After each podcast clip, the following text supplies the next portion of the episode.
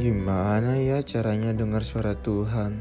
Gimana caranya bicara sama Tuhan? Kok aku nggak pernah dengar suara Tuhan ya? Apakah aku kurang percaya?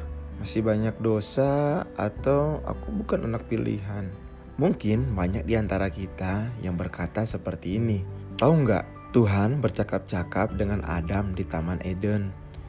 Dia juga berkata kepada Nuh untuk membangun Batra dia berbicara kepada Musa di semak yang terbakar.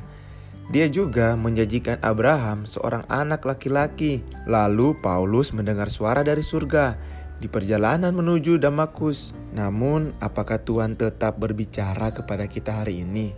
Seringkali ketika orang-orang menanyakan pertanyaan ini, yang mereka maksudkan adalah suara yang audible. Tuhan dapat melakukannya. Dia dapat melakukan apa saja yang diinginkannya. Dia adalah Allah. Seringkali kita berpikir, terus kok aku nggak pernah dengar Tuhan bicara kepadaku secara audible sih? Oke, hari ini kita belajar dari Tuhan. Kadang setiap kita berdoa, kita selalu sibuk meminta. Kita sibuk untuk klaim. Dan setelah kita minta, kita langsung buru-buru. Haleluya dan amin.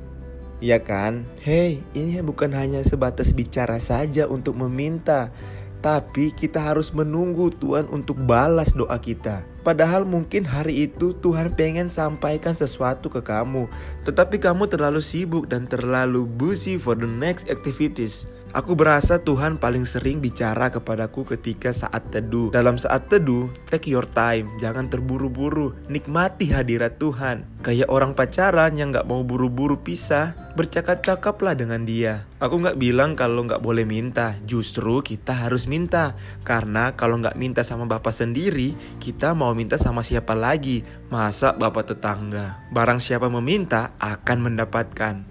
So, intinya, Jangan tergesa-gesa kalau ngobrol sama Tuhan, karena berbicara sama Tuhan itu pasti dua arah. Setelah kamu selesai ngobrol, tunggulah dalam hadiratnya untuk Dia menyampaikan apa yang Dia mau dalam hidupmu atau hidup orang lain. Dalam Keluaran 33 ayat 11a, dan Tuhan berbicara kepada Musa dengan berhadapan muka seperti seorang berbicara kepada temannya.